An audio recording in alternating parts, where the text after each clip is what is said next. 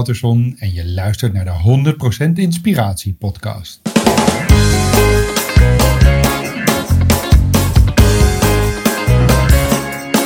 Hey, wat goed dat je luistert. Hij staat weer voor je klaar.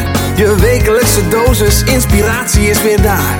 De allerleukste gasten geven al hun kennis prijs. Met je veel te blije host, hij praat je bij. Zijn naam is Thijs. Thijs,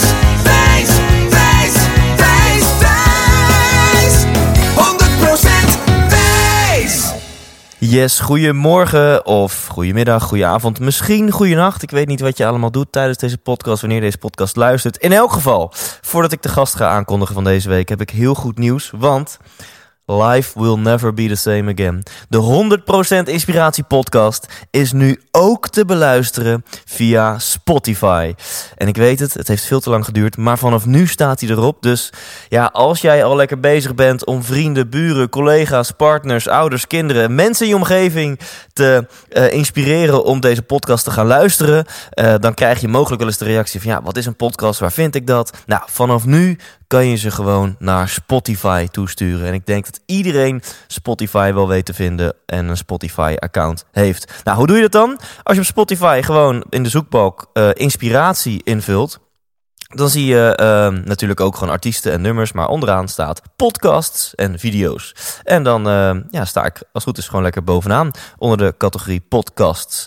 Um, als je trouwens een shout-out wil doen op Instagram, dan verloot ik deze week gewoon twee kaartjes voor mijn show in Hoofddorp ter waarde van 65 euro. En als je me nog niet volgt op Instagram, ja, dan moet je heel hard schamen en nu gewoon eventjes naar Instagram gaan en Thijs Lindhout volgen. Ik deel af en toe wat tips, ik deel wat dingen over mijn leven, backstage beelden van interviews, van mijn shows. Uh, dus ik denk uh, gewoon leuk. En misschien soms ook inspirerend om mij te volgen op Instagram. En als je een shout-out doet deze week naar mijn podcast op Spotify, dan win je misschien wel twee kaarten voor mijn show. Oké, okay, um, dan het interview van deze week. Dat worden er twee. Ik heb deze week omgedoopt tot Slaap Special Week. Uh, dus uh, woensdag zal er nog een interview online komen over slaap. En je luistert nu naar deel 1. En die is met Floris Wouterson. Nou, Floris is 50 lentes jong. En uh, hij heeft het boek Super Slapen geschreven. Dat is het uh, eerste Nederlandstalige boek met praktische lifestyle principes voor je beste nachtrust ooit. Al dus zijn website. En Floris coacht topsporters in binnen- en buitenland om beter te presteren door onder andere beter te slapen. Nou, en jij en ik, wij zijn natuurlijk allemaal soort van topsporters. We willen allemaal ons ideale leven leiden. Dus slaap is een essentieel onderdeel van een gelukkig en in balans leven. En wil jij nog beter slapen, dan is dit een interview voor jou. We hebben het over het totaalplaatje van de oorzaken van slecht slapen tot de gevolgen daarvan, maar natuurlijk ook praktische tips. Bijvoorbeeld hoeveel uur moet je nu eigenlijk slapen? Hoe belangrijk is het hebben van een ritme? Wat doet snurken met de kwaliteit van je slapen? Hoe belangrijk is het juiste matras? En last but not least, wat doet een orgasme met je nachtrust? Antwoord op deze vraag die ga je krijgen in komend anderhalf uur. Ben je enthousiast en wil je meer over Floris Wouterson? Check dan floriswouterson.com of check even thijslindhout.nl slash slaap, want daar staan een hele hoop gratis extra's voor jou klaar. Hier is Floris Wouterson. 100% Thijs! Ja, welkom Floris. Welkom, hoi. Ja, en uh, ja, even voor de luisteraar, we doen dit interview uh, via de digitale weg. Yes. En we komen er net achter dat dat echt een bijzonder omstandige keuze is. Want wij waren gisteren gewoon allebei in Amersfoort en hadden we elkaar gewoon kunnen zien en aanraken en voelen en proeven en ruiken. Maar uh, ja, voor, voor deze keer gewoon even lekker via Skype. Ik, ik zit op mijn hotelkamer hier in, in Rotterdam. Yes. En jij, waar, waar, waar zit jij eigenlijk? Ik zit hier in mijn, in mijn kantoor thuis, uh, achter de computer in, in Schilde. Dat ligt vlakbij Antwerpen. Het is een plaatsje oh, ja. daar in de buurt. Bizar. Ik heb vanochtend een Skype-gesprek gehad met Jan Bommeres. die zat ook in Antwerpen. Ja. En ja, het is best wel... Hetzelfde, dus. een toeval. Twee keer op één ja. dag men, Skype met mensen in Antwerpen. Ik had Absoluut. ook van die kant op kunnen komen. Ja, um, ja en, en, laten we beginnen. We gaan het hebben over slaap. Uh, yes. Ik persoonlijk ben er ook mega in geïnteresseerd. Want ik Nou, ik zal niet zeggen dat ik slaapproblemen heb. Uh, ik denk veel mensen wel die luisteren. Ga jij ons zometeen ongetwijfeld vertellen hoeveel mensen echt serieuze slaapproblemen hebben. Maar ik kan van mezelf bijvoorbeeld niet zeggen dat ik nou altijd super slaap. Uh, nee. Bijvoorbeeld eergisteren na het Max Ocon incident uh, heb ik de hele nacht wakker gelegen. Ja. omdat ik mijn adrenaline niet omlaag kreeg. Snap ik. Uh, maar ik loop op de feiten vooruit. Ik moet niet deze podcast vol gaan lullen. Dat moet jij gaan doen. Yes. Dus lieve Floris, wat wil je worden als je later groot bent? Nou, als ik later groot ben, ik ben inmiddels uh, dit jaar uh, 5.0 geworden. Dus zeg maar nog een betere versie van mezelf. Dus dat vind Ja. ik uh, toch wel mooi. En Ja. een droom die ik al lang had was zeg maar het schrijven van een boek. Nou, die is ook uitgekomen. Die is gewoon Dus, uitgekomen. eh, Ja, dit jaar, eh, twee maanden geleden ongeveer, eh, is dat boek eh, gelanceerd. En ik heb een beetje de ambitie, en dat klinkt een beetje melogomaan. Ik heb het net al eh, gezegd ook. Een beetje de Jamie Oliver van de slaap eh, te worden. Er zijn heel veel mensen die heel veel weten over slaap. Maar er is niemand echt die die spot eh, claimt. In, in de voeding heb je wel zo iemand. In de eh, bewegingswereld of fitnesswereld heb je wel mensen die heel duidelijk zich positioneren. Maar er is nog niet echt iemand die zich met dat hele slaapthema bezighoudt. En dat ook goed op een verstandelijke manier naar, naar buiten brengt. En een begrijpelijke manier. En het lijkt me heel leuk om gewoon die plek een beetje in te, in te nemen. En mensen gewoon te helpen goed te slapen. Dat is één kant. Maar ten tweede ook om mensen die al goed slapen nog beter te laten slapen. Want het heeft altijd twee kanten natuurlijk. Ja.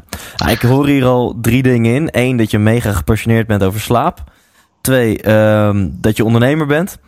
En, eh, en, en, en drie, dat je ontzettend groot denkt en ook wel eh, positionering en marketing hebt begrepen. En dat je daarom denkt van, nou, ik wil gewoon die plek gaan innemen om de, de Jamie Oliver van slaap te worden. Ja, yes, klopt, klopt. En dat En is heb je ook, het dan- ook... Ja? Ja, zeg maar, sorry.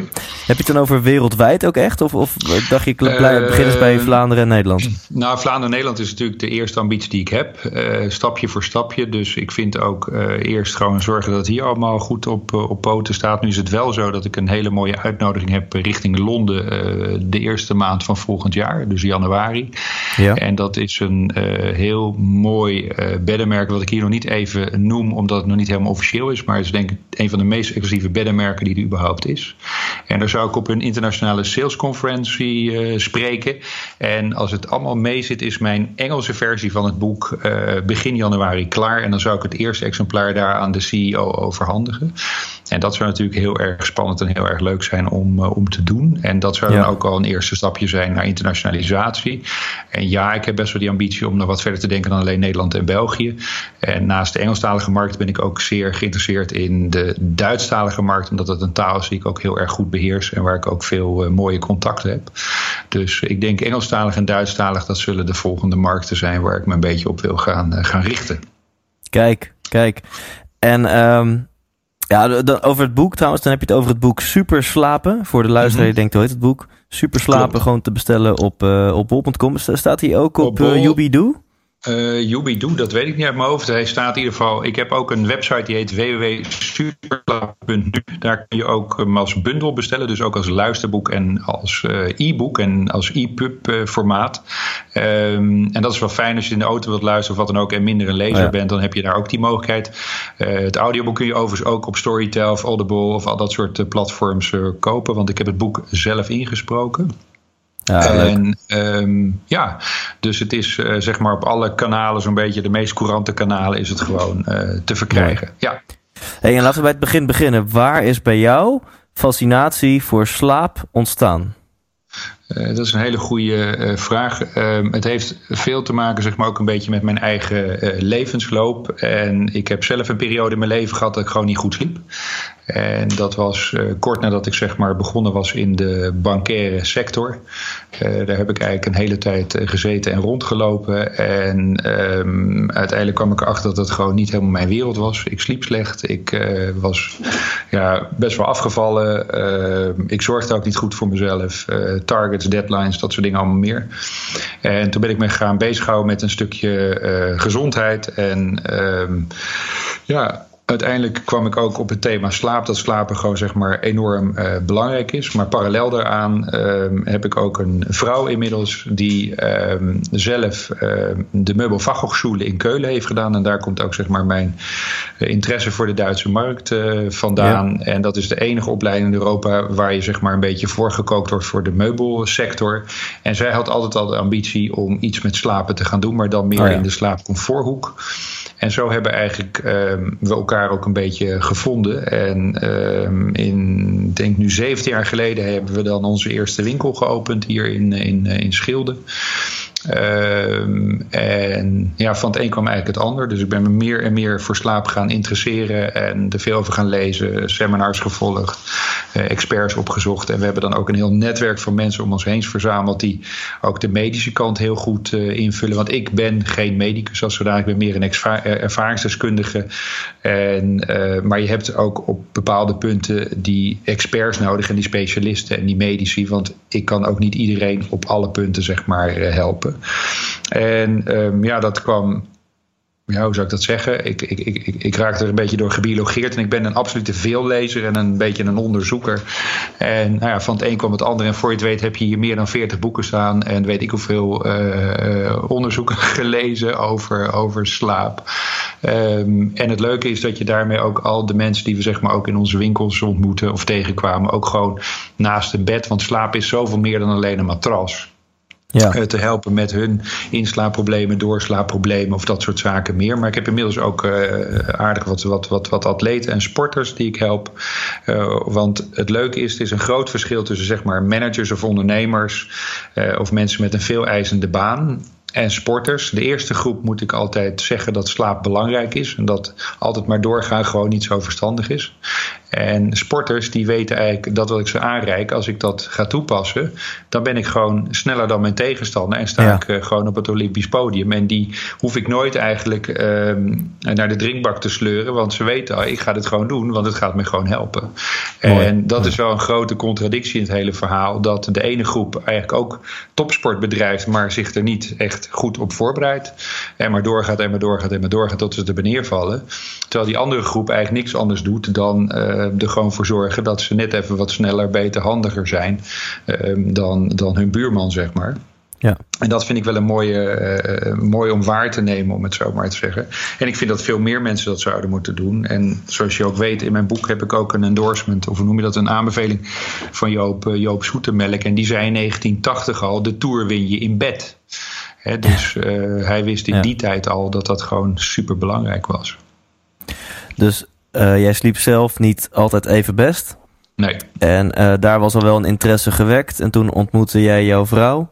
En eigenlijk kan ik dan stellen dat het een soort van samenloop van, van omstandigheden is. Ja. Dat je ja. vuistdiep in deze wereld bent gerold. Ja, ja ik, ben, ik ben inderdaad ingerold. En het tweede is ook dat ik gewoon op een gegeven moment de bak had van de moraal in die financiële sector. En ik wilde gewoon. Uh, kijk, je drukt daar op een knop en je kocht uh, ter waarde van uh, een gemiddeld woonhuis in Nederland aandelen. Of je verkocht voor dat soort bedragen aandelen.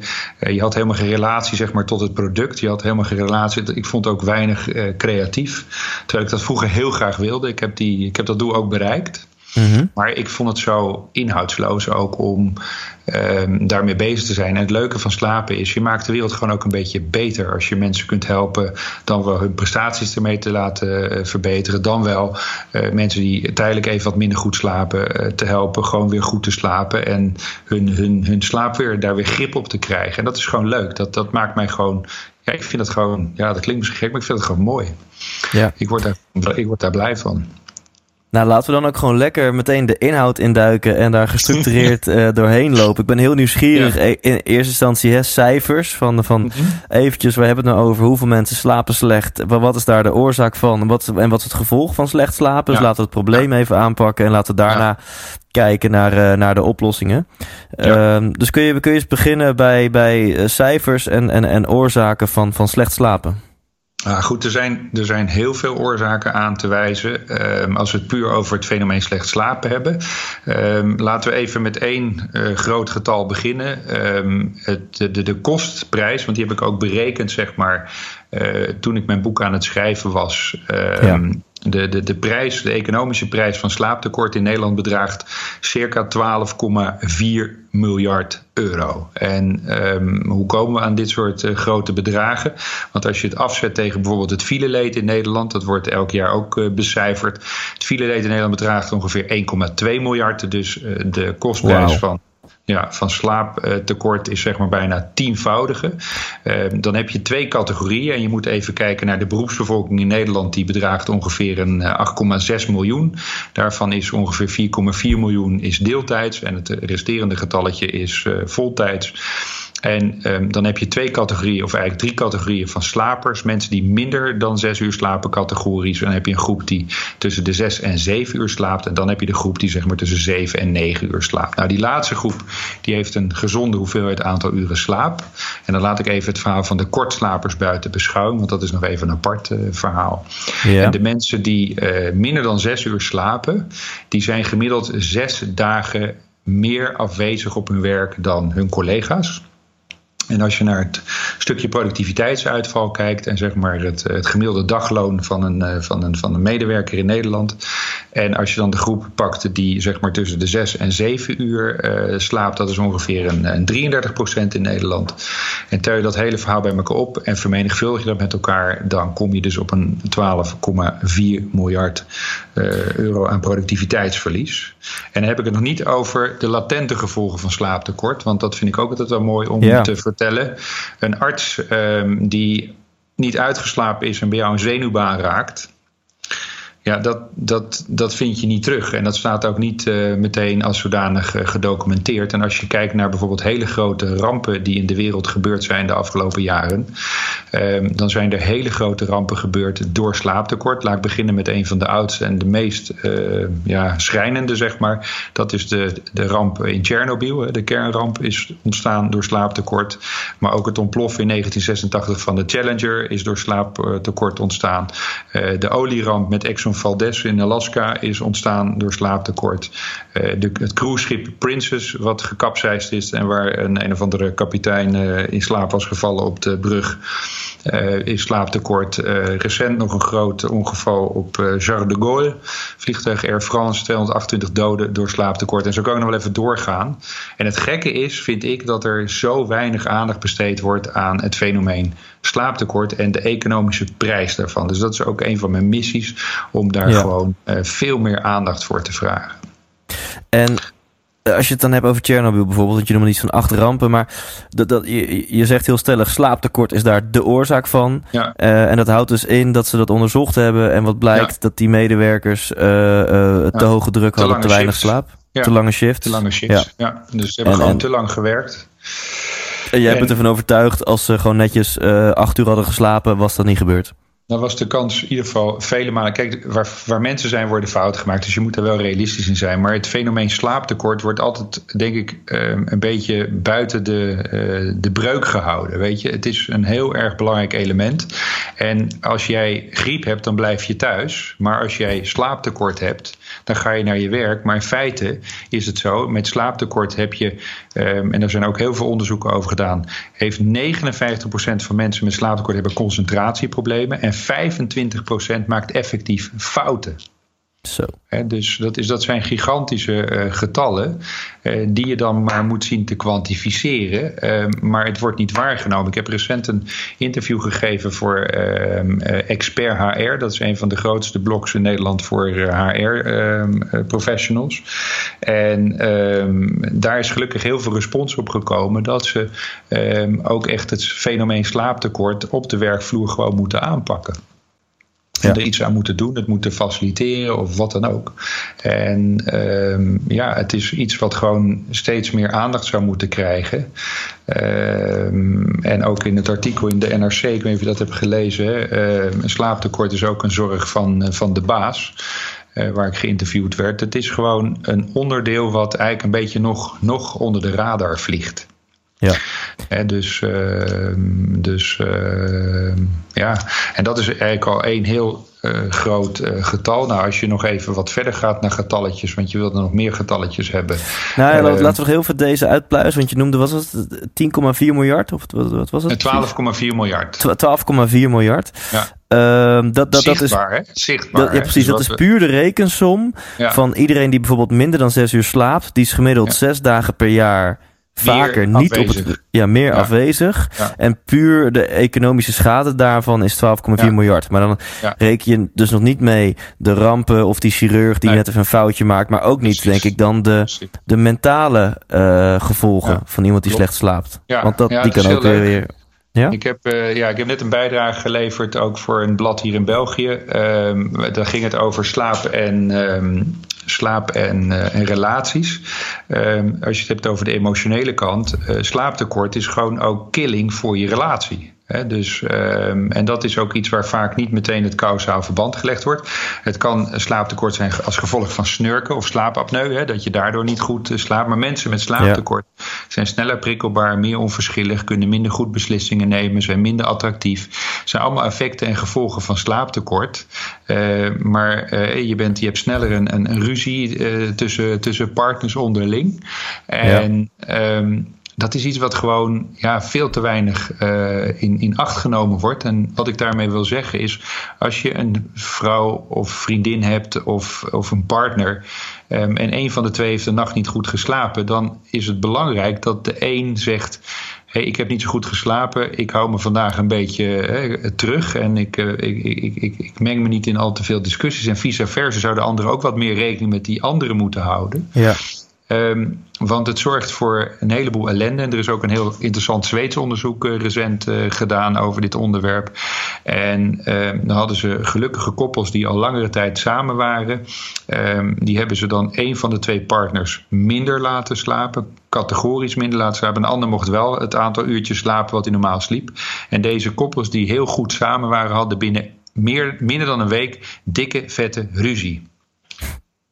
Hè, dus puur alleen maar vanwege het eh, fenomeen slaaptekort. En Ja. waar heeft dat onder andere voor een stukje mee te maken? We hebben verschillende breinen, hè, verschillende hersenhelften. En we hebben zeg maar het reptiele brein en we hebben de neocortex. En eh, op het moment dat we moe worden, dan eigenlijk neemt het reptiele brein neemt ons brein over. Dus die doet eigenlijk een hijack van ons brein. En daardoor kunnen we niet meer helder en cognitief denken. Want het zit vooral in het cognitieve denken. Passen we ons niet meer aan. We worden een beetje lomp, een beetje clumsy.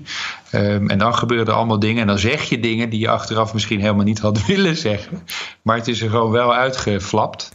Ja, en dan begint zoiets. Hè? Dus, Dus, eerste concrete tip is al, als jouw partner wat minder goed heeft geslapen, Check. hou er gewoon eens een beetje rekening mee dat Ja. hij of zij dan die dag wat licht geprikkelder is. En Exact. steek dan wat minder energie in reageren op die ene snauw of Ja. ingaan op die ene discussie. Ja, vice versa. Hè? Dus de, degene die te weinig geslapen heeft, moet zich ook realiseren: ik heb Ja. niet goed geslapen. Dus ik ga me nu niet, geen ruzie maken dat de afwas niet gedaan is. Of ik ga geen ruzie maken omdat ik vannacht in een groene pyjama moest slapen terwijl ik liever roze heb. Dus eh, dat soort dingetjes. Maar dat is inderdaad een hele belangrijke tip. En daarmee eh, kun je met elkaar ook afspraken daarover maken. En dan zul je een heleboel minder shit en ellende hebben. ehm, ehm, door gewoon daar even een beetje rekening mee te houden. Ja. Nou, ik denk dat nu de, de gevolgen van slecht slapen wel duidelijk zijn. Eh, je kan waarschijnlijk hier eh, nog een, hier kunnen we waarschijnlijk al een podcast over vullen. Maar het is dus slecht voor, eh, voor jezelf, voor je Ja. relatie, voor je emoties, voor je gezondheid. En het is ook gewoon slecht voor de maatschappij. Ja. Ehm, wa- wat, wat zijn de, de oorzaken van, van slecht slapen? Zijn ook heel, heel divers. Hè? Dus je hebt zeg maar even heel simpel gezegd de medische oorzaken. Ehm, je hebt bijvoorbeeld eh, familiale insomnie, eh, eh, familiale ehm, slapeloosheid. Dat is een erfelijk verhaal. Dat komt gelukkig Ja. heel erg weinig voor, maar dat kan een erfelijk verhaal of dingetje zijn. Ja. Ehm, en dan heb je nog allerlei andere medische aandoeningen, zoals narcolepsie. Dat zijn mensen die eigenlijk permanent moe zijn als zodanig. Je hebt mensen die last hebben bijvoorbeeld van knarsentanden, eh, wat ook ergens eh, veroorzaakt wordt. Nou, er zijn allemaal van dat soort. Hè. Restless legs heb je misschien wel eens van eh, gehoord. Hè. Dus dat je hele bewegelijke benen hebt, Mm. waar ze ook niet direct de Ja. vinger op kunnen leggen waar dat, waar dat vandaan komt. Er wordt wel eens gezegd dat het een ijzertekort kan zijn, of eventueel een tekort aan dopamine. Maar het echte antwoord is helaas nog niet eh, gevonden. En als je dat hebt, is het ook helemaal niet, eh, niet prettig. Dus dat is zeg maar even de medische kant. En kun je, Ehm, kun je dat in, in van de 100 mensen die, die slecht slapen, hoeveel daarvan hebben, eh, is de oorzaak echt medisch? Dat is ongeveer tussen de 5 à 10 procent. Ja. Dus dat is de facto echt een klein percentage. Op de aantallen inwoners natuurlijk is het wel weer veel. Ja. Maar ehm, het grootste gedeelte van slaaptekort of van slaapproblemen zijn wat wij noemen geconditioneerde slaapproblemen. Dus dat zijn dingen die we ons op een of andere manier zelf hebben aangeleerd. Uh, en het mooie is van dingen die je zelf aanleert, die kun je jezelf ook weer afleren. Hè? Dus het is puur een kwestie van conditionering. En um, als je even uh, een blik werpt, zeg maar, ook op mijn boek. Ik begin ook uh, met de mindset uh, ten aanzien van slapen. Want dat is een enorm bepalende factor. En dat is dan ook daarom hoofdstuk 1 van mijn boek. dat gaat over conditionering. En ehm, dat gebeurt eigenlijk op drie niveaus. Um, je kunt geconditioneerd zijn um, op basis zeg maar, van verbale programmering. Hè, dus mensen, dingen die je de hele dag hoort. Um, die hebben op een gegeven moment invloed op je. En dat is al vanaf het moment dat je kind of baby of wat dan ever, whatever bent. Dan begint het al de, de uren voor twaalf tellen dubbel. Of uh, je moet minstens acht uur slapen, anders ben je niet uitgerust. Uh, als je uh, smiddags ligt te slapen, dan ben je luierik. Nou, dat zijn allemaal al conditioneringen die je gewoon met je meedraagt. Um, terwijl je het niet eens weet misschien. En dat zijn dan jouw waarheden. Of jouw, jouw, ja, dat is dan jouw waarheid. En dan het tweede ja. stuk is natuurlijk een stukje modelleren. Hè. Als je vader altijd ziek in bed lag of moe was of wat. Dan is de kans heel reëel dat je daar zelf ook iets van hebt meegekregen. Um, nou, dan is het heel belangrijk om te zien. Nou, jij bent niet je vader. Dus je kunt zulke patronen ook uh, doorbreken. En de derde vorm van conditionering. Dat is zeg maar specifieke gebeurtenissen. Stel dat je vroeger altijd veel nachtmerries had. Of uh, angst had of bang was. Nou, dat zijn dan dingen die je hebt meegemaakt, die ook nog invloed kunnen hebben op je dagelijkse slaapgedrag. Ja, dus je hebt het echt over geconditioneerde slaapproblemen. Oftewel, ja. je hebt het jezelf aangeleerd. Goede nieuws ja. is, je kan het ook afleren. Precies. En dat heeft te maken met je overtuigingen. En je noemt, ja. noemt drie voorbeelden. Eén is dan hè, alles voor 12 telt dubbel. Twee is dat je het kan kopiëren van je vader. En drie, je zegt nou, het kan te maken hebben met specifieke gebeurtenissen. Um, maar voor mijn gevoel gaat dit al veel te diep. En uh, slapen heel veel mensen niet gewoon uh, weinig of slecht, of in elk geval weinig, omdat ze gewoon te veel willen doen in een dag. En dat ze gewoon slaap onderwaarderen en werk overwaarderen. En denken: als ik vijf à zes uur slaap, ben ik meer uren wakker en kan ik meer achieven. Check. Uh, zeker waar, maar dat zijn ook weer overtuigingen. Uh, en ik durf ja. zelfs te zeggen dat het een mindfuck is. Dat je door altijd maar door te gaan uh, productiever bent, want het tegendeel is waar. Hè? Dus er zijn ook heel veel voorbeelden. er is ook een man die daar veel onderzoek naar gedaan heeft. Dat is Anders Eriksson. Dat is een man die heel veel doet naar zeg maar peak performance en hoe je beter kunt presteren. Dan hebben we het over violisten en jujutsu en tai chi masters en allemaal mensen die ja. op heel hoog niveau sport bedrijven. Of een, een, een, een, een, een artiest zijn, zeg maar. Um, als we het hebben over concertpianisten bijvoorbeeld. Um, die oefenen heel intensief op een dag uh, bepaalde stukken. Ik noem maar wat de derde van Rachmaninoff. Dat is bijvoorbeeld een van de moeilijkste pianostukken die je überhaupt kunt leren. Um, maar als die mannen de hele dag doorgaan, dan hebben ze bewezen dat de resultaten van het instuderen van zo'n stuk minder goed is dan dat ze heel intensief, heel geconcentreerd, dus zeg maar de volle 100%, twee, drie uur trainen en dan een nacht gaan slapen. En de dag erop kunnen ze dat stuk gewoon beter spelen dan dat ze de hele dag waren doorgegaan om dat stuk zichzelf aan te leren. Ja. En um, uh, dat geldt ook voor schakers uh, en voor allerlei mensen die gewoon hoge en cognitieve uh, prestaties moeten leveren, violisten, om even in de muziekwereld te blijven, maar ook voor golfers of noem maar iets op. Um, het is gewoon zo dat het altijd maar doorgaan is ook een overtuiging, want ik mis iets of ik ben dan minder productief of ik red het niet of weet ja. ik veel wat. het begint er al bij dat je je moet gaan realiseren dat je beter gaat presteren door meer te rusten. Hè? Dat zei je op zoete melk al. De tour win je in bed, die win je niet op de fiets. En als je niet herstelt en niet voldoende rust, dan kun je gewoon die prestatie niet leveren. Dus, of niet zo goed leveren.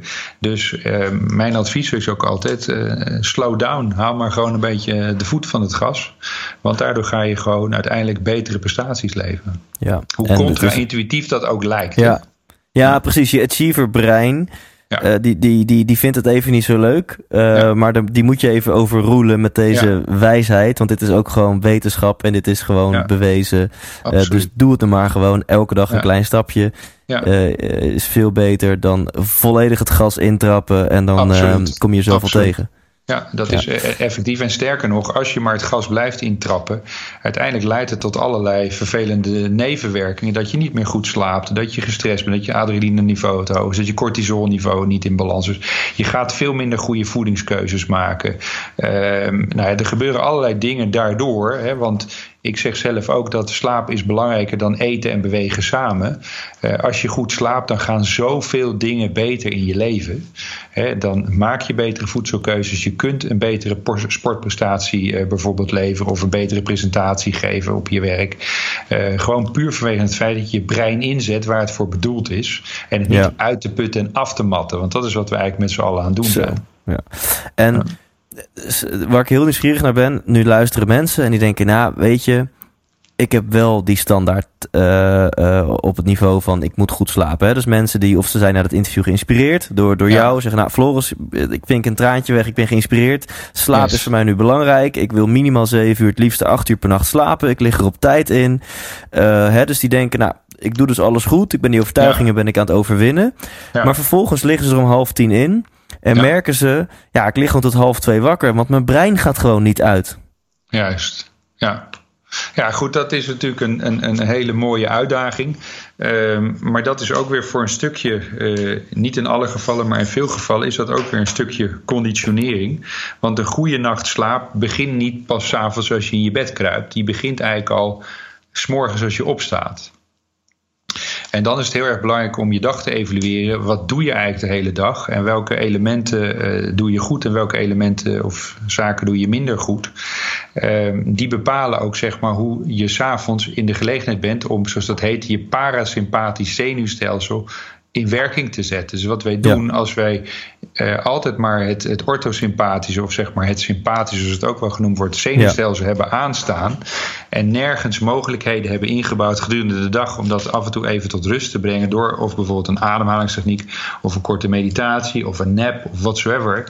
Dan is het vaak heel erg moeilijk ook om s'avonds zeg maar uh, die knop om te zetten. Want ons. Uh, autonome zenuwstelsel, wat heel veel mensen misschien wel of ook niet weten, is een binair systeem. Het is dus ja. aan of uit. Dus dat wil zeggen, je kunt je parasympathisch, dus het uh, ontspannen en, en het rusten, uh, het herstel, dus de herstelmodus, laten we hem zo maar even noemen, alleen maar bewust aanzetten, om het zo maar te zeggen. Um, of je zet hem bewust uit en dan zet je dat andere systeem, dus het sympathische systeem, weer aan.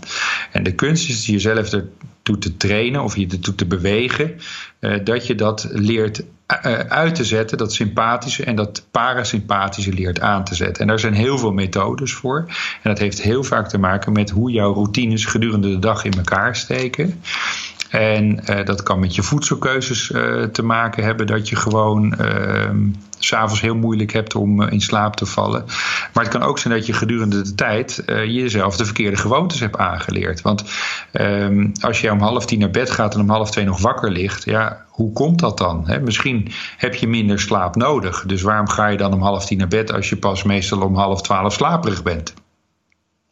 He, dus, en sommige mensen kunnen bijvoorbeeld het verschil tussen moe zijn en slaperigheid uh, en vermoeid zijn ook niet onderscheiden. Vermoeid zijn ja. en slaperig zijn zijn ook weer twee hele verschillende dingen. He, dus het is een heel gelaagd proces, waarbij je eigenlijk elke keer met een beetje trial and error kleine stapjes moet zetten. Dus heel veel mensen denken altijd: oh, nu komt de grote doorbraak, wauw, waar ik al even op zit te wachten. Nee, ik weet niet trouwens, het is een leuk zijsprongetje even die ik maak als dat mag. Heb je wel eens gehoord van Jim Rohn? Ja, zeker.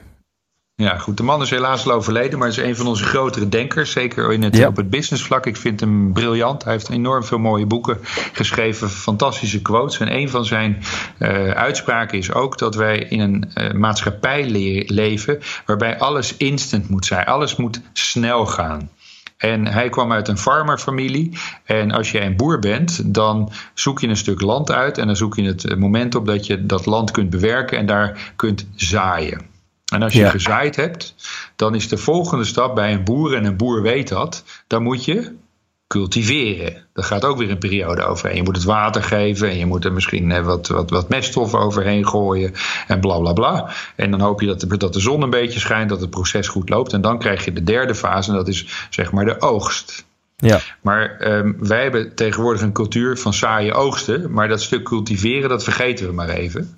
En daar heeft John Rohn heel veel mooie dingen over gezegd. En dat is effectief ook zo. Jij kunt niet als je jezelf iets, weet ik wat, x jaar hebt aangeleerd dat even zaaien en oogsten. Nou, wat we dan doen, oftewel we, slijp, we grijpen naar, naar slaapmedicatie. Oftewel, we gooien na 30 dagen de handdoek in de ring. Maar Ja. dat werkt gewoon niet. Weet je, je kunt niet iets wat. Hè, dus een, slaappatroon wat verneukt is, noem ik het maar even. Door wat voor reden dan ook. Dat laat ik gewoon in het midden. Want waarom is hier ook helemaal niet relevant. Het- Je weet, het ja. is zo. Maar wat kan ik eraan doen? Het belangrijkste is dat je leert cultiveren. En, ehm, en dat wil zeggen, als jij ehm Thijs naar de sportschool gaat en je gaat de eerste keer, dan heb je ook niet meteen eh, dikke triceps en biceps en weet ik wat allemaal. Nee. Eh, jij gaat eh, week na week, of misschien wil je wel een sixpack. Ehm ik heb een hele mooie one-pack. Maar als je een sixpack wil, dan, dan, dan ehm, eh, moet je trainen, trainen, trainen. En dat is misschien wel, duurt misschien wel een jaar. Ik weet niet hoe lang dat duurt, want ik heb het zelf nooit. eh, ik heb die ambitie niet. Maar mensen die ambitie wel hebben. Slechts weten voor ook- weinigen weggelegd, Floris, een sixpack. Dus alleen Nee. voor, eh, voor uiterst gedisciplineerde, Ja, bovenintelligente. Ja, Ehm? Ja, ik, ik, heb, ik, ik, ik train zeg maar vanaf dat ik... ik sport twee à drie keer per week. Ja, Eh, maximaal drie, minimaal één. En Ja. dat doe ik al 15 jaar lang. Dus Ja. ik, ik ben iemand die vooral momentum heeft gepakt en dat nooit is losgelaten. Maar ik heb Nee. nog nooit in mijn leven zes keer per week gesport. nee, Maar ik heb ook nog nooit in mijn leven twee weken niet gesport. nee. En, eh, en dan heb je blijkbaar een sixpack, in mijn geval. Maar goed, niet iedereen heeft eh, mijn, eh, mijn lichaam.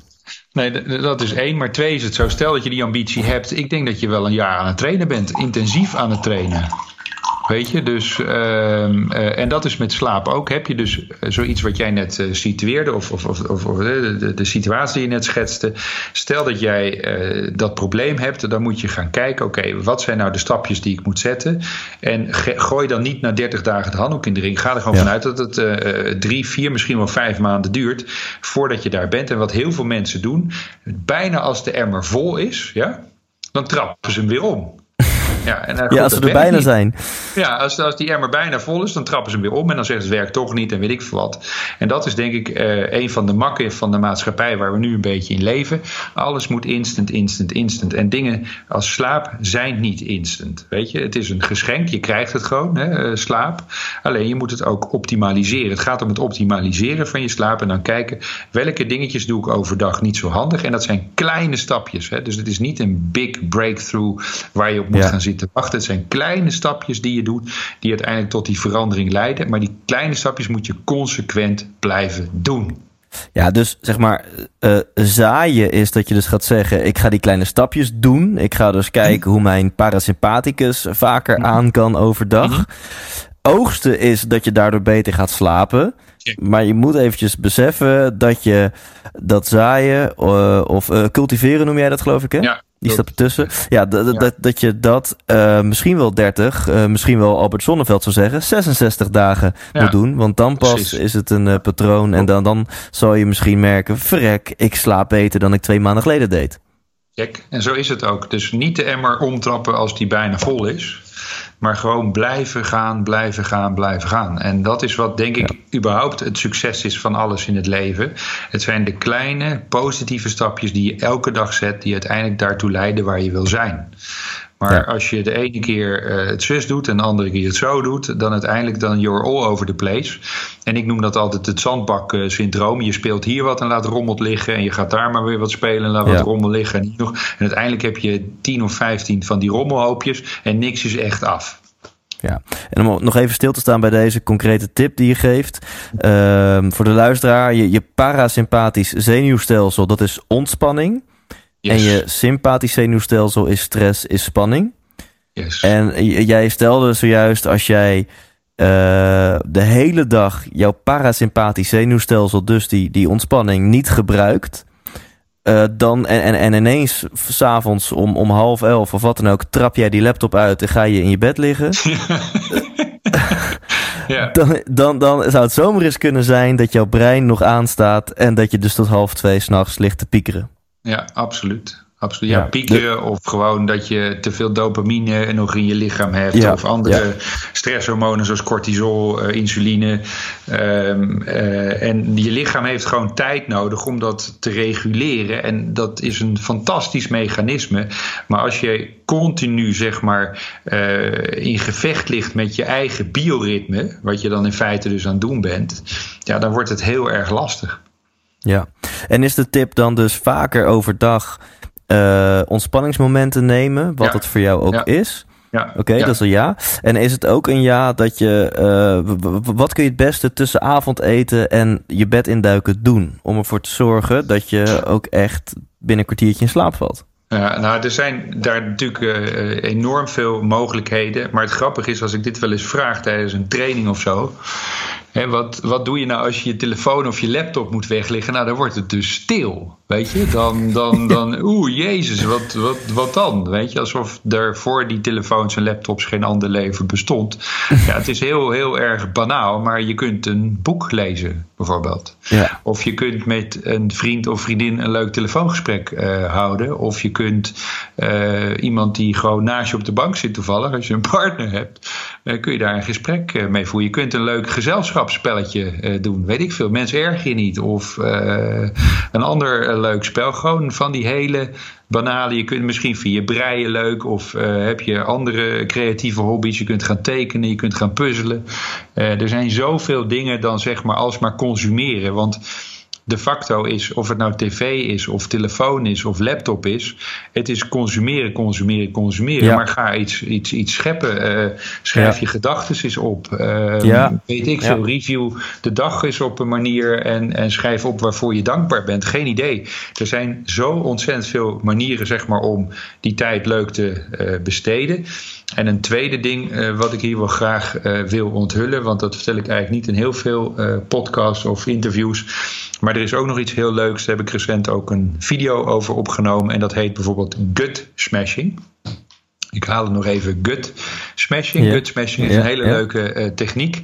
eh, die een beetje uit, eh, uit Amerika is komen overwaaien. En ehm, zoals je weet wordt het merendeel van de belangrijkste hormonen die je nodig hebt om goed te slapen in je darmen aangemaakt. En niet in je hoofd of in je hersenen. eh, want heel veel mensen denken dan dat dat de pijnappelklier is, maar dat is niet zo. Meer dan 80% van de twee belangrijkste eh, hormonen die je nodig hebt om goed te slapen worden in de dikke darm aangemaakt. Dan hebben we het over serotonine en melatonine. Ja. En zoals je misschien ook weet, is het ehm, hersenweefsel lijkt heel erg op ons eh, eh, weefsel wat we hier hebben, het tweede brein, dus zeg maar in het maag-darm-kanaal. en daar zitten dus ook heel veel receptoren in dat weefsel. En hoe je dus ehm, op een hele leuke manier, of een makkelijke manier ook zeg maar, ehm, dat weefsel kunt activeren. Daar zitten zeg maar ja, receptoren die je doen ontspannen. En dat doe je via, via gut, gut smashing. En gut smashing, eh, de gut is zeg maar de vertaling voor het maag-darmkanaal, noem ik het maar even in het Nederlands. En dat kun je doen door met een hele zachte bal in je buikzone die neer te leggen. En als je s'avonds thuis komt, ga je even dat weefsel wat hier zit, met die bal door er bovenop te gaan liggen, ga je dat even heel licht eh, masseren. En daarmee worden al die relaxerende receptoren, zeg maar, worden getouched, of die worden aangeraakt.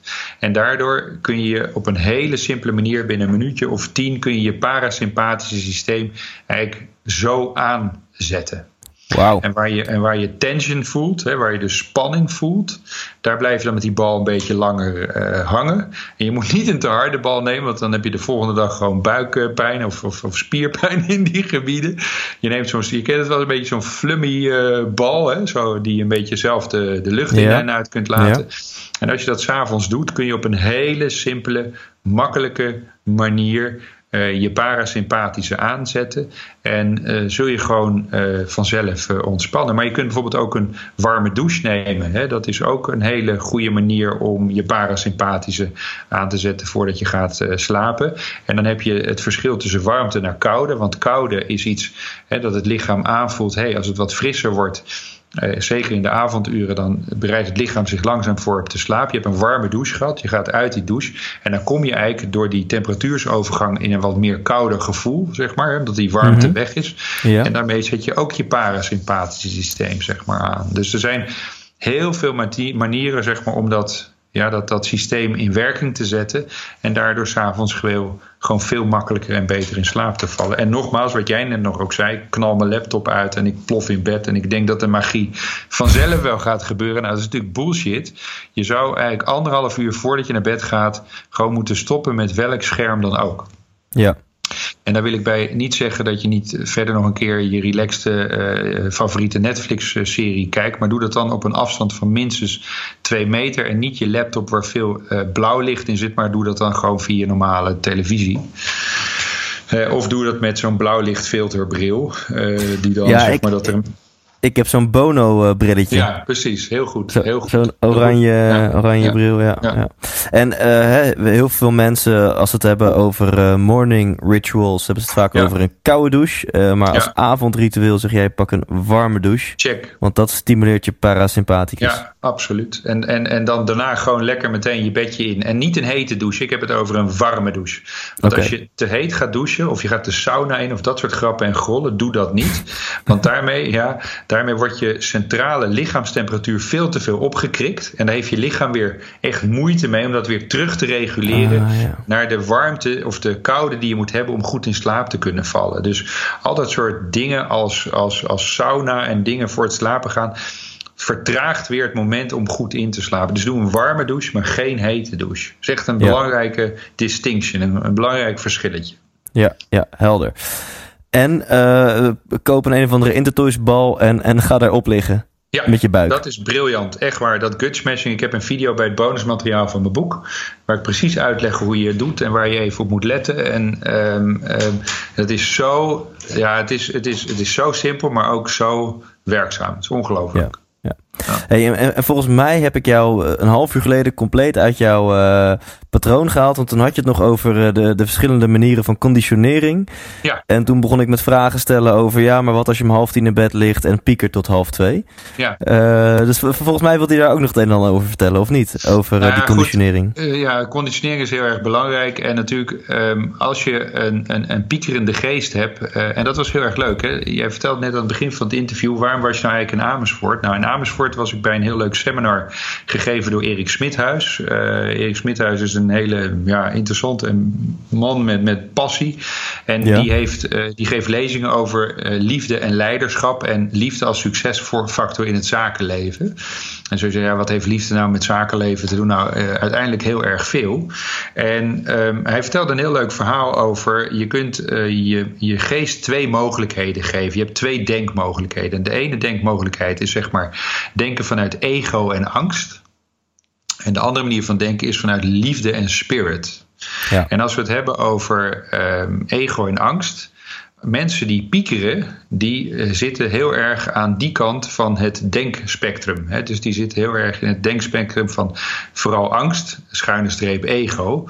Want mensen die vaak piekeren hebben een eh, of een perfectionistische aanleg, of het zijn pleasers. Ehm, dus ze hebben een bepaalde manier bij zichzelf geconditioneerd, bewust of onbewust. Dus dat doet ook verder niet zoveel ter zake. Maar piekeren is iets wat ook je jezelf op een, een of andere manier hebt aangelegd, dat, eh, geleerd. Dat is dat stemmetje wat in je achterhoofd zit te babbelen. Ehm, en dan heb je de rare gewoonte om als je naar eh, bed gaat, nog eens een keer de hele dag te evalueren. En Ja. had je een vervelend gesprek met een collega of een klant heeft je de pan uitgeveegd of weet ik wat er gebeurd is. Ehm, maar als je vanuit liefde met die dingen omgaat, dan kun je het een plaats geven. En is het iets wat je veel minder eh, raakt. En het is super interessant om daar gewoon vanuit jezelf ook eens over na te denken. Wanneer zit je in angst en ego en wanneer kies je voor liefde en spirit? En dan heb ik het ook over eigen liefde, zeg maar. Hou je ook van jezelf. Maar mocht piekeren echt een groot probleem zijn, in mijn boek geef ik daar ook super tips eh, voor. En in Nederland hebben we een top-expert op dit gebied, dat is Ad Kerkhoff van de Universiteit eh, in Amsterdam.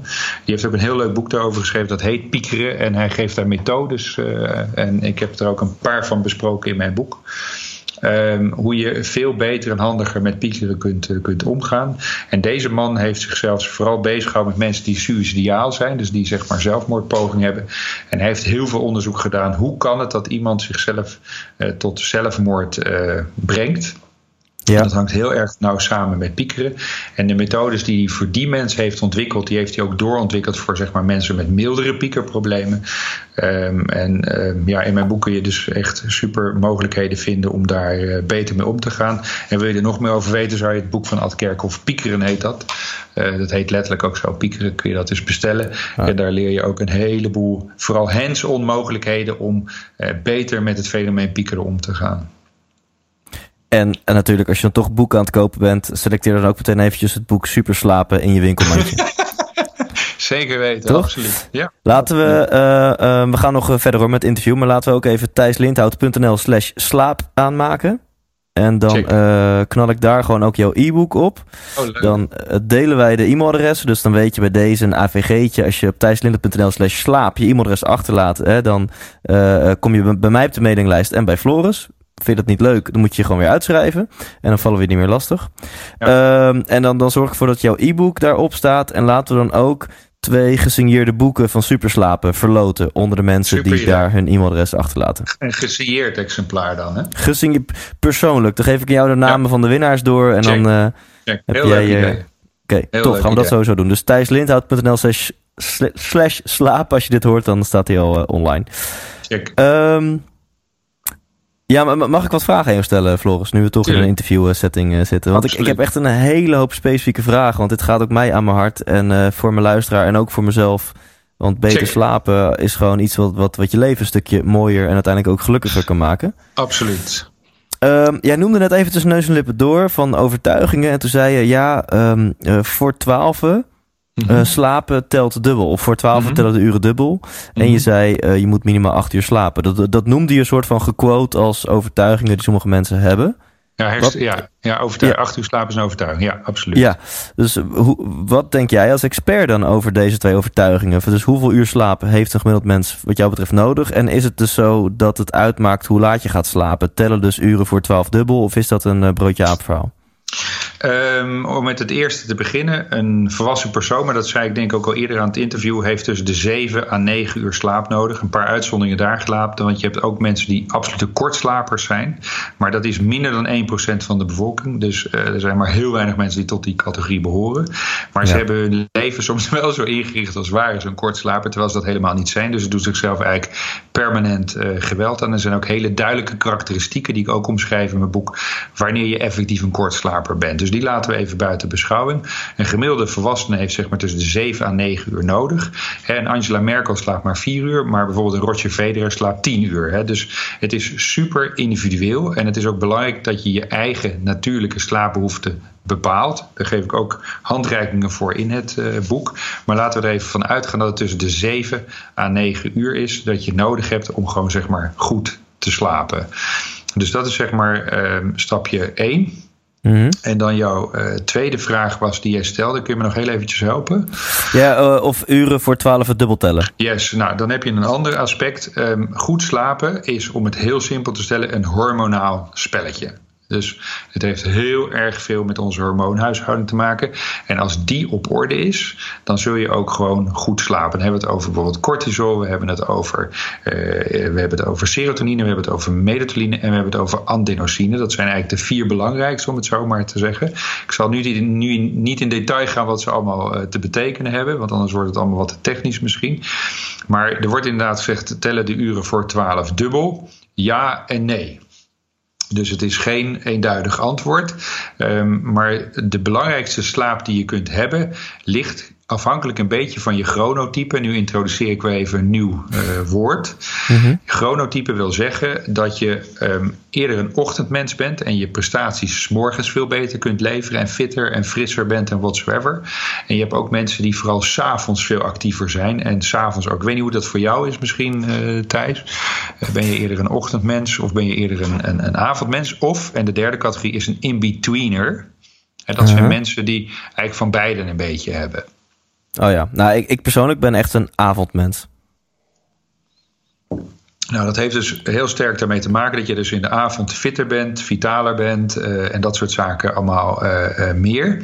En dan is die, die cyclus is iets verschoven. Dus jouw cyclus begint eigenlijk ja. wat later op de dag dan mensen die s'morgens heel erg fit en uitgeslapen zijn. Nou, nu waar gaat het nu uiteindelijk om? Eh, ze noemen dat eh, de slaap tussen 10 uur en 2 uur s'nachts. Dat is de kernslaap, wordt die ook wel genoemd. En dan heb je vooral fysiek herstel. En eh, dan heb je vooral eh, diepe non-rem slaap, zoals die heet. En in die tijd eh, is je hormoonhuishouding, of je hormoonfabriek, of hoe je hem ook noemen wilt, het meest actief. Dus, ehm, en als je die kan pakken, tussen aanhalingstekens, dan pak je al een heel belangrijk stuk zeg maar, van je herstel, wat je nodig hebt. Het is veel beter om langer nog te slapen, maar dat is wat je in feite daar eh, nodig hebt. En eh, daarom is het zo dat als je die tijd pakt, en dat is dan niet sec alleen voor 12 uur, het is eigenlijk tussen 10 en 12 en van 12 tot 2. Dus een, een luik of een venster van 4 uur, die zorgt dat je gewoon dat hele goede fysieke herstel hebt. En dat is dus niet helemaal voor 12 uur. En als jij dus je piek je van performen later op de dag hebt, dan zal dat ook niet om 10 uur zijn, maar dat zal eerder tegen rond half 12 zijn dat jij eh, je die tijd hebt en dat je hormoonproductie dan zich een beetje omstelt. Ehm, dus voor chronotypes, dus mensen die eerder avondmensen, ligt dat wat later. Het ligt eigenlijk een twee uurtjes, eh, anderhalf uur later. En s'morgens geldt hetzelfde. Die mensen zouden liever nog een anderhalf uurtje langer in bed willen blijven liggen. Dus het hele verhaal is een beetje verschoven. Dus de uren voor 12, ehm, ja en nee. Dus je kunt Dus er niet de, helemaal. de, de, de gemiddelde ochtendmens die, die, die heeft zijn krachtigste stuk slaap tussen 10 en 2. Dus die zou in principe Yes. van 10 tot 6 is een prima ritme voor, voor een ochtendmens. Yes. En voor een avondmens van half 12 tot half 8 is een prima ritme. Ja, bijvoorbeeld. Of nog misschien nog wel ietsje later. Hè, dus, eh, en, en dat is iets, eh, dat zijn gewoon geplogenheden. Dat is gewoon ja, biologisch eh, zo bepaald. Ja. En dan is het gewoon ook belangrijk of zinvol als je dat kunt inrichten. ehm, dat je dus ook je dag zo daarop op, op, op doet. Doe dan s'morgens je high value of je deep work, weet je. En ga dat niet ergens s'avonds laten doen als je een, een morning guy bent. Eh, Ja. Als je een voetbalcoach bent en je hebt een voetbalteam... en je speelt voor de Champions League... en je moet s'avonds uh, met strafschoppen zien uh, het pleit naar je toe te trekken... zorg dan dat je de mannen die je opleidt voor de strafschoppen... dat dat allemaal chronotypes avond, avondmensen zijn en niet Ja. morgenmensen. Ja? Zo kun je dus in je team Ja. ook hele mooie eh, dingen doen. Dus, maar je En- moet het eerst wel weten. En over ritme gesproken, hoe denk jij daarover? Hoe belangrijk is eh, ritme voor een goede slaap? Ontzettend belangrijk. Ja. de, de, de belangrijkste tip. Ik, had, ik sprak afgelopen zaterdag op de boekenbeurs hier in Antwerpen.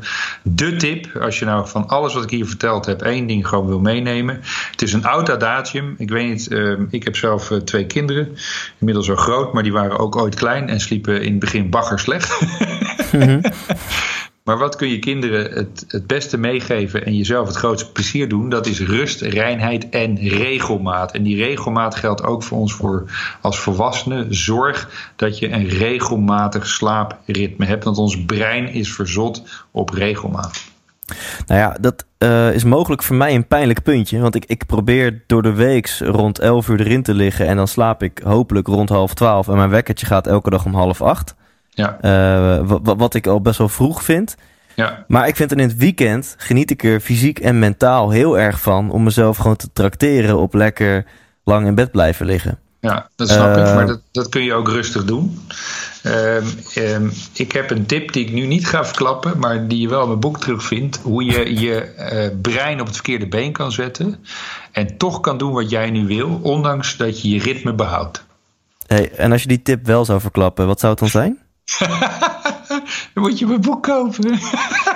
Ga- gaan we nou commercieel doen, Floris?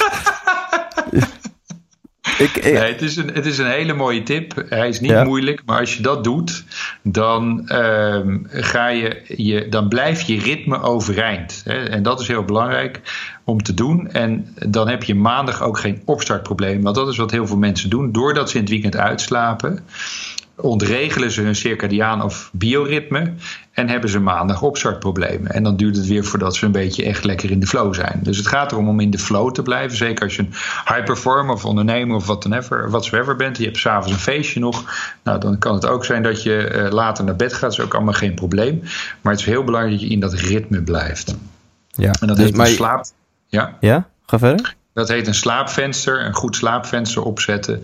En in hoofdstuk 4 leg ik helemaal uit hoe, die, hoe je dat het beste doet en hoe je dat voor, je, voor jezelf het beste kunt laten, laten werken. Nou, zal ik het even lezen en in, de outro van deze aflevering een samenvatting uh, geven? Ja, dat kun je zeker doen. oh, nee, um, en, en, maar dus je kan dus best in het weekend iets afwijken van je ritme. Ja. Uh, als je maar wel dat gezonde slaapvenster hebt. Ja, vasthouden. Ja, vasthoudt. Ja, oké. Okay. Ja. Uh, je noemde tussen neus en lippen door ook iets over snurken. Um, ik heb dat uh, op vakantie had ik een. Uh, ik was een week met een vriend op vakantie en hij bleek te snurken. Nou, mm. ik, ik, ik, was, ik, ik wist niet dat ik zoveel agressie in me had. Oh, wow. dus hoe, hoe, irritant is dat als je daardoor ja. wakker ligt, omdat iemand ja. naast je ligt te snurken? Ja. Heb je, ja, dit is ongetwijfeld iets wat stelletjes of mensen die luisteren en in een relatie zitten en samenwonen, die, die, dat herkennen. Ja. Heb je daar nog bepaalde tips ja, voor hoe je daar het is, in ieder geval, het is in ieder geval een heel groot onderschat probleem, letterlijk. Maar geluid in het algemeen is ook een heel belangrijk element om goed te Oh ja. slapen. En snurken is daar één dingetje van. Want er zijn nog als je een kraaiende haan hebt of een kerkklok of dat soort ongein op de achtergrond. Dat heeft allemaal invloed op hoe je slaapt. Of een wasmachine die draait of weet ik veel wat. Maar laten we even over, eh, het, het over snurken hebben. Snurken is heel gelaagd en heel divers. En je hebt eh, de facto, maar ik zal het niet te ingewikkeld maken, heb je vier vormen van, van snurken. Dus uh, je kunt er niet zomaar zeggen je snurkt, dus dat is, je bent een universele snurker, dus dat kun je niet zeggen. En er zijn ook nog dan, los van die vier soorten van snurken, zijn er twee verschillende aanleidingen.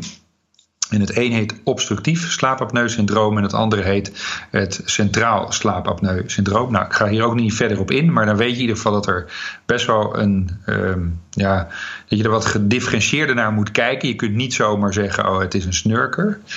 Maar het hele bijzondere is, of ik zal het getallen eventjes noemen, 70% van de mensen die snurken, um, dat zijn mannen. Hè, dus het is een meerderheid mannen. En snurken, en nu ga ik iets zeggen wat misschien bij sommige mensen de haren overeind doet staan. En het is zo dat snurken is een keuze. het is een lifestyle keuze. En uh, heel veel snurkproblemen zijn op te lossen door een aantal lifestyle veranderingen door te voeren. En nu ga ik nog iets uh, zeggen. Het is heel grappig. Ik zei net 70% van de snurkers zijn mannen. Maar het grappige is dat de mannen het het probleem vinden van hun vrouw. Of partner of vriendin. Maar het is precies omgekeerd. Het is het probleem van die man. Want het is een absolute sluipmoordenaar snurken. En snurken lijkt heel onschuldig, maar snurken heeft vaak ook te maken met zeg maar ademonderbrekingen. En dat kan dus gebeuren doordat je echt stopt met ademen. Dan heb je centraal slaapapneu. Of dat je luchtpijp tijdelijk dichtvalt. En dan heb je obstructief slaapapneu. Zo. En die korte ademonderbrekingen die zijn nefast voor je hart en je hersenen. Want die krijgt gewoon te weinig zuurstof. En gaande de weg put je gewoon je hart en je hersenen gewoon uit.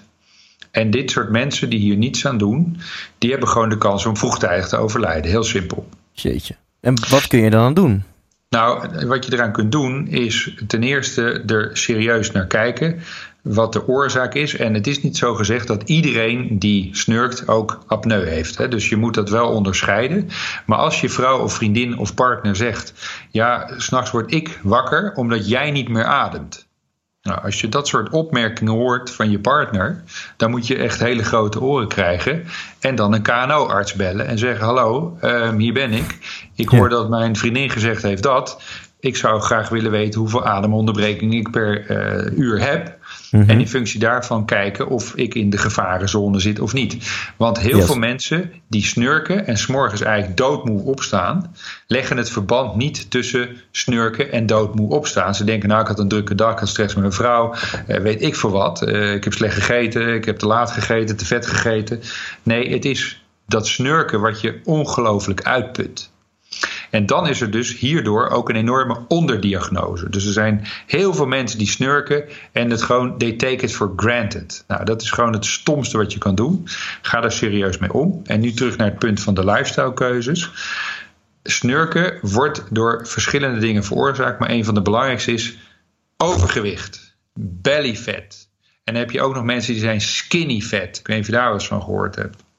Dat is vet op je organen, of niet? Ja, sowieso het viscerale vet. Maar mensen kunnen ook net zo dun lijken als jij en ik, bij wijze van spreken, maar gewoon het verkeerde vet hebben zitten.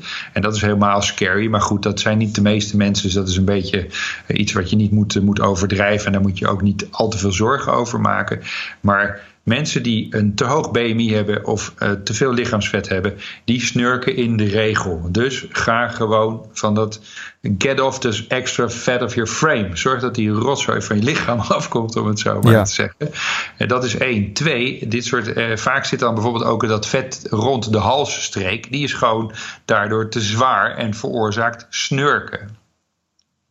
Ten tweede is stop met alcohol. Alcohol uh, verdooft en legt je lichaam plat en ontspant je spieren, waardoor je gewoon gaat snurken. Hè? Dus dat is een tweede lifestyle keuze die je maakt. Hè? Dus te veel lichaamsvet of uh, alcoholconsumptie.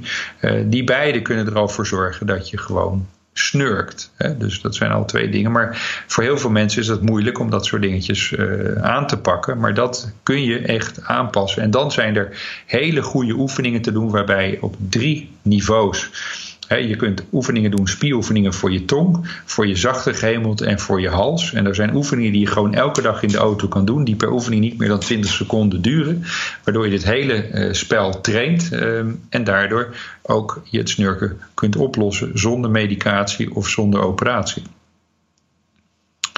Dus er is echt wel wat aan te doen. Ja, dit, dit, ik denk dat ik uh, in de intro van deze aflevering hier wat over ga noemen. Want dit is denk ik al wel dan een uh, leuke cliffhanger voor de mensen. Want dit Absoluut. de afgelopen vijf minuten kan al gewoon een life changer zijn voor mensen. Ja. En Absoluut. hun partner. Ik Ja. ben er trouwens nog steeds. eh, We zitten natuurlijk op Skype. En eh, alleen het licht in mijn hotelkamer is niet aan. Dus jij ziet nu waarschijnlijk gewoon één groot zwart blokje. Een schim, een schim. Ik heb nog niet het pasje in dat ding gedaan. Dus dat probeerde net dat lichtknopje aan te doen. Maar dat werkt, dat werkt toch niet. Maar je hebt wel stroom. Ik, ja, dus dat, dat is geinig. Mijn laptop heb ik tijdens het interview eh, ingeprikt. Dat, eh, dat doet hij dan weer wel. Super. Ik heb nog eh, twee specifieke vragen. yes. Ehm, want je noemde ook tussen neus en lippen door iets over... je hebt een verschil tussen moe zijn en slaperig zijn. ja, En dan ben ik heel benieuwd, hoe kan je dat verschil eh, merken? En wat, wat moet je dan ook met die verschillende dingen doen? Dus moeheid moet je denk ik anders aanpakken dan slaperigheid. absoluut. Ehm, vermoeid zijn is iets heel anders dan slaperigheid. Je moet je voorstellen, s morgens op het moment dat jij wakker wordt, dan ehm, heb je een leeg reservoir van een hormoon dat heet adenosine. En ehm, heel veel mensen denken vaak dat melatonine het slaaphormoon is, maar dat is niet zo. Melatonine moet je eigenlijk zien als eh, het hormoon ehm, dat het startschot geeft bij een estafetteloop of een atletiekwedstrijd. de melatonine bereidt eigenlijk je helemaal voor op eh, je slaap, maar de adenosine zorgt dat je echt ook in slaap valt. Dus dat maakt je slaperig. En dat vat, eh, noem het maar even een vat als, als, eh, als, als, als een beeldspraak, dat is 's morgens leeg. En als jij een goede actieve dag hebt, is dat vat met adenosine aan het einde van de dag vol. En dan is dat een vol vaatje. En dan ehm, ehm, op een gegeven moment word je slaperig. En slaperig zijn is dat je een verminderde waarneming hebt. Je kunt je ogen minder goed open houden. Eh, je bent er ook niet meer helemaal eh, bij. Dan ben je slaperig.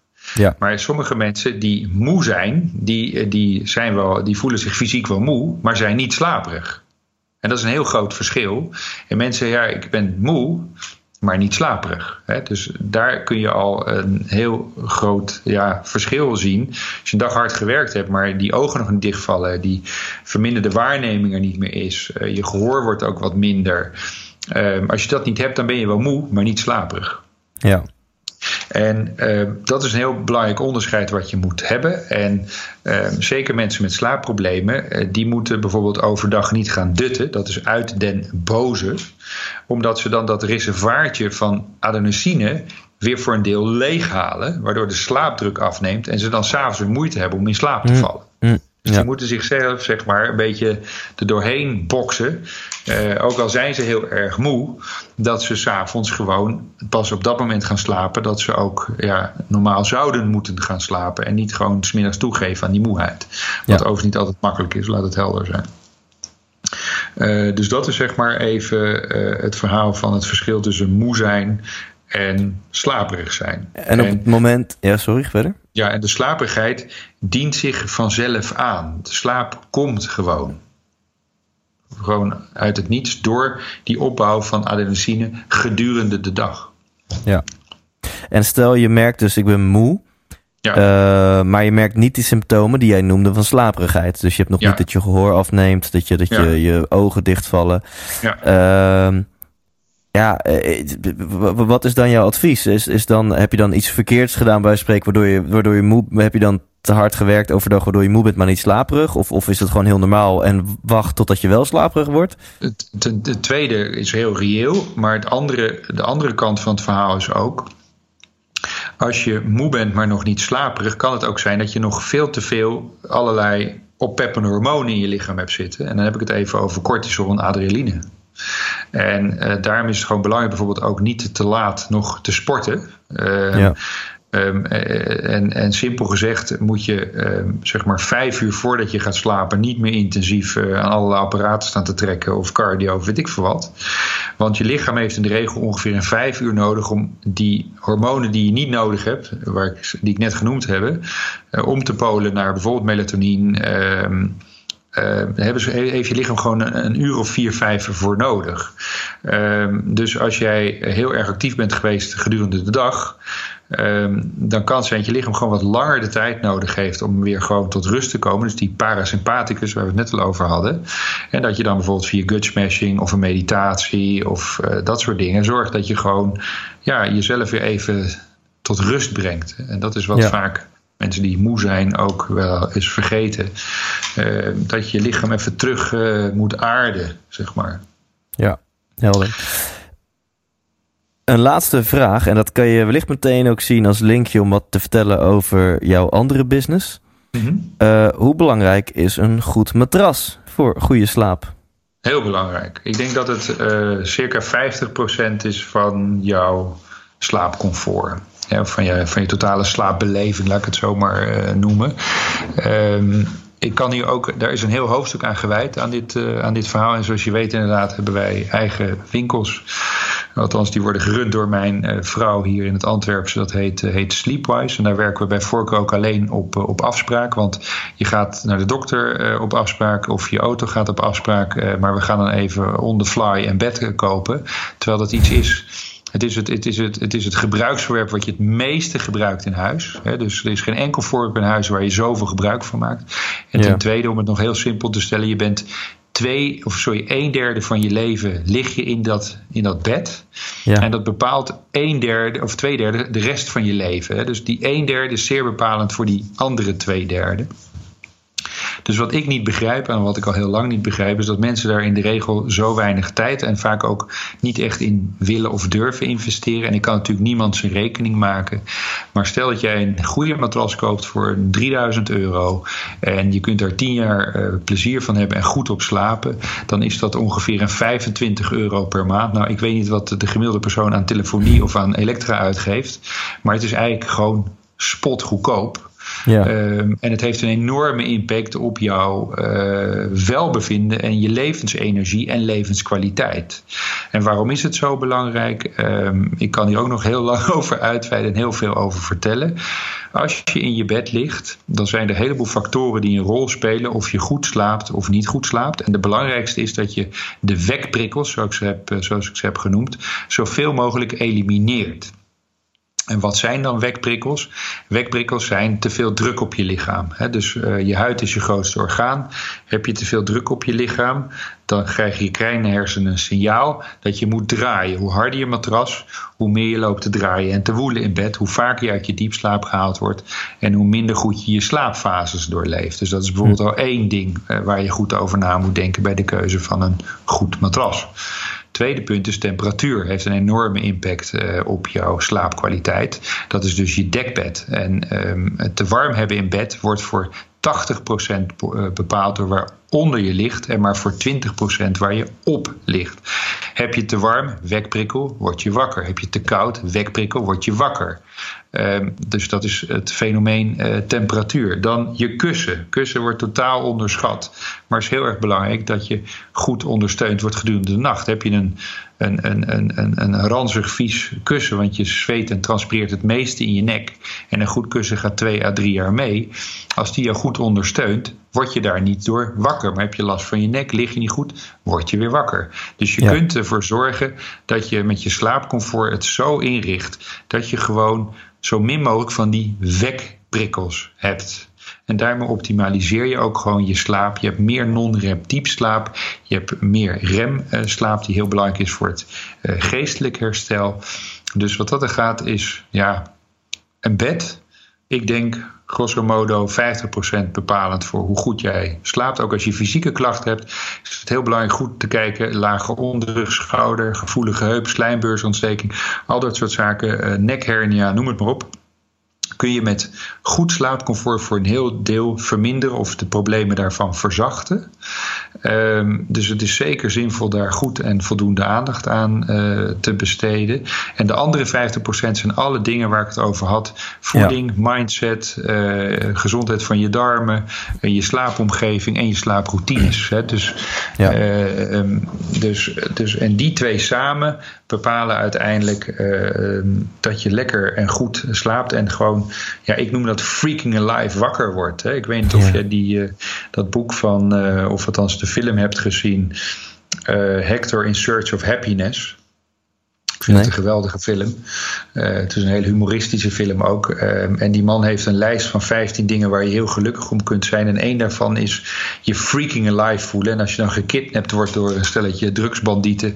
en uiteindelijk dan gelukkig niet gekild wordt en weer levend op straat uh, de zak van je hoofd trekt. dan weet je, ik ben nu levend. En je zo freaking alive voelen, dat is zo kicken. En dat, is ook, dat kan ook s'morgens als je wakker wordt. dat je gewoon al yes en je bed uitkomt. Dat is zo gaaf gevoel. Dus wow. maakt niks beter dan lekker s'morgens fit je bed uitkomen. Ik vind het geweldig. Dat is gewoon ja. echt. Het is dus niet zo, in, sorry dat ik onderbreek, maar het is dus niet ja. zo in mijn geval als avondmens dat het logisch is dat je ochtends altijd wel een beetje moe wakker wordt. Toch, toch. Maar als jij, je, stel dat je van half acht naar half negen gaat, ja. Dat je gewoon ietsje langer slaapt, mits je niet voor je wekker wakker wordt. Want de kunst is natuurlijk net voor je wekker wakker te worden. Ja, ja.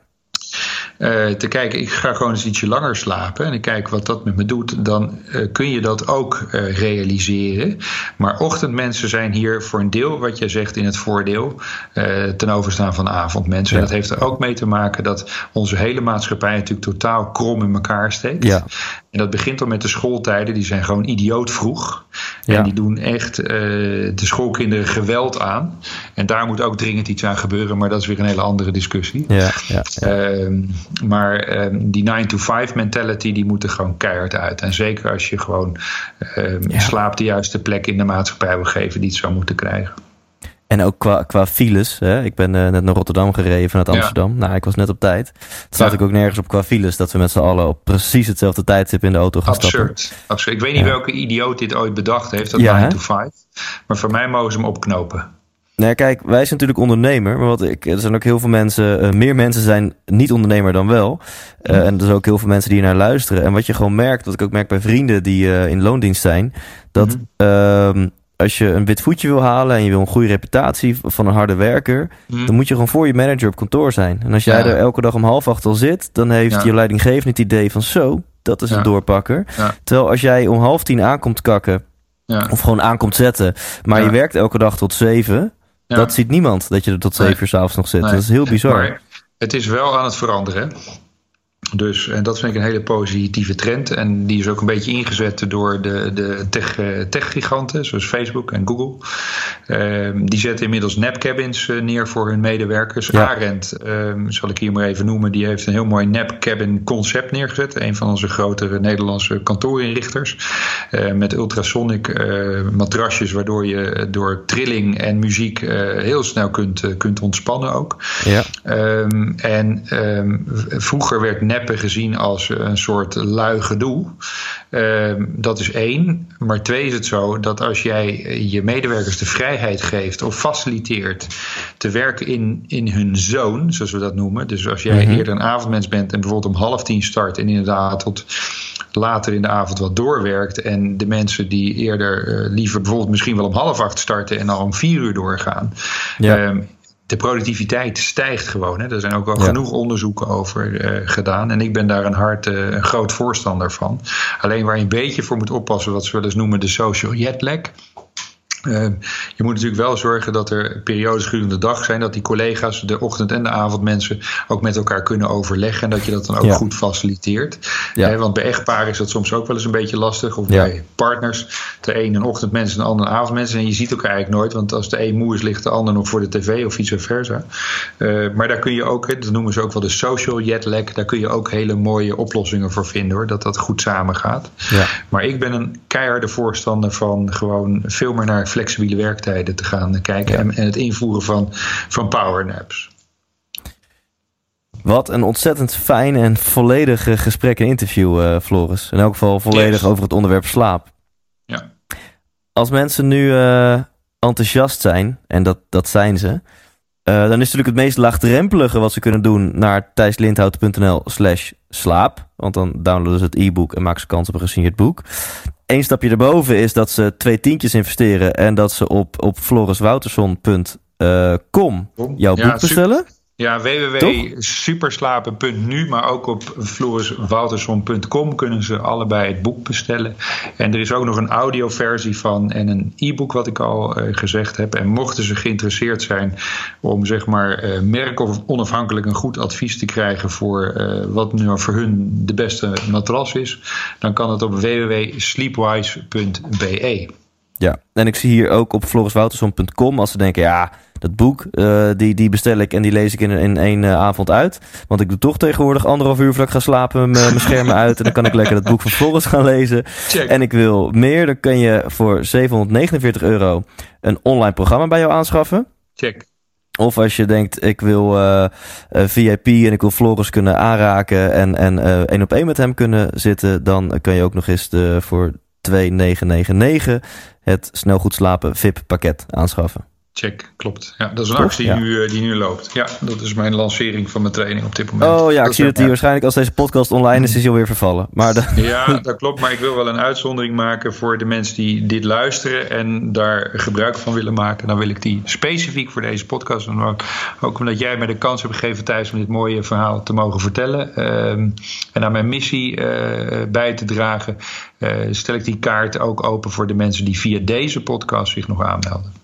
Te gek. dat kunnen we misschien via eh Thijs Lindhout slash slaap nog even ook eh bekendmaken. ja, ik zal op die pagina even zetten hoe, hoe, of mensen een actiecode in moeten vullen of zo. Dat komt Yes, helemaal, eh, komt helemaal Ja. goed. Leuk. Ehm, ja, helemaal volledig zijn we dan geloof ik. Alhoewel, nog één laatste vraag. Lijkt me gewoon een perfecte afsluiter.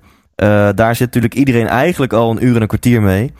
Hoe erg draagt het bij aan een goede slaap om een orgasme te hebben? Vlak voordat je gaat slapen. Top. Top. Nou. orgasme kun je lezen, hoofdstuk 7. Ik ga daar diep op in. Eh, er komt een cocktail ehm, van, van hormonen vrij. En de eh, belangrijkste twee hormonen daarbij zijn oxytocine en prolactine. En ehm, ik kan eigenlijk iedereen adviseren om op die manier lekker, lekker in te slapen. Eh, het kan soms bij de. Ja, laat ik het zo zeggen. Je kunt natuurlijk een orgasme hebben door te masturberen. Daar zijn de effecten minder, eh, maar ook goed. Maar het is Mhm. nog beter om zeg maar eh, te copuleren, zoals het zo mooi heet. Ja. En eh, dan komt er een cocktail aan hormonen vrij. En die zorgt ervoor dat je in een hele fijne, relaxed staat komt. En dat prolactine bijvoorbeeld, dat is het belangrijkste hormoon. Eh, dat hebben ze destijds een keer eh, apart bij ratten ingespoten. En die lagen zeg maar binnen twee minuten te maffen. Ehm, dus de prolactine is daarbij het belangrijkste hormoon. En bij sommige mensen kan het wel eens zijn dat ze wat actiever worden door zeg maar een orgasme. Dat is meer bij vrouwen vaak het geval dan bij mannen.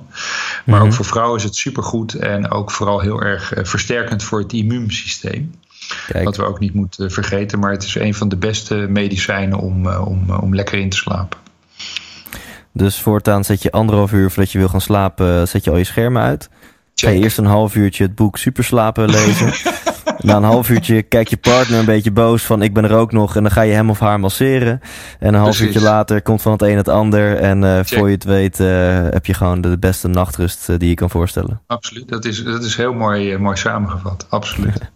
Absoluut. Ja, hartstikke bedankt Floris. We gaan elkaar zeker een keertje in het echt zien. Dan gaan we even high-fiven en, en verder babbelen. Maar voor nu ontzettend bedankt voor, voor je, het delen van je missie. En, en het, het gul delen van al jouw tips en inzichten.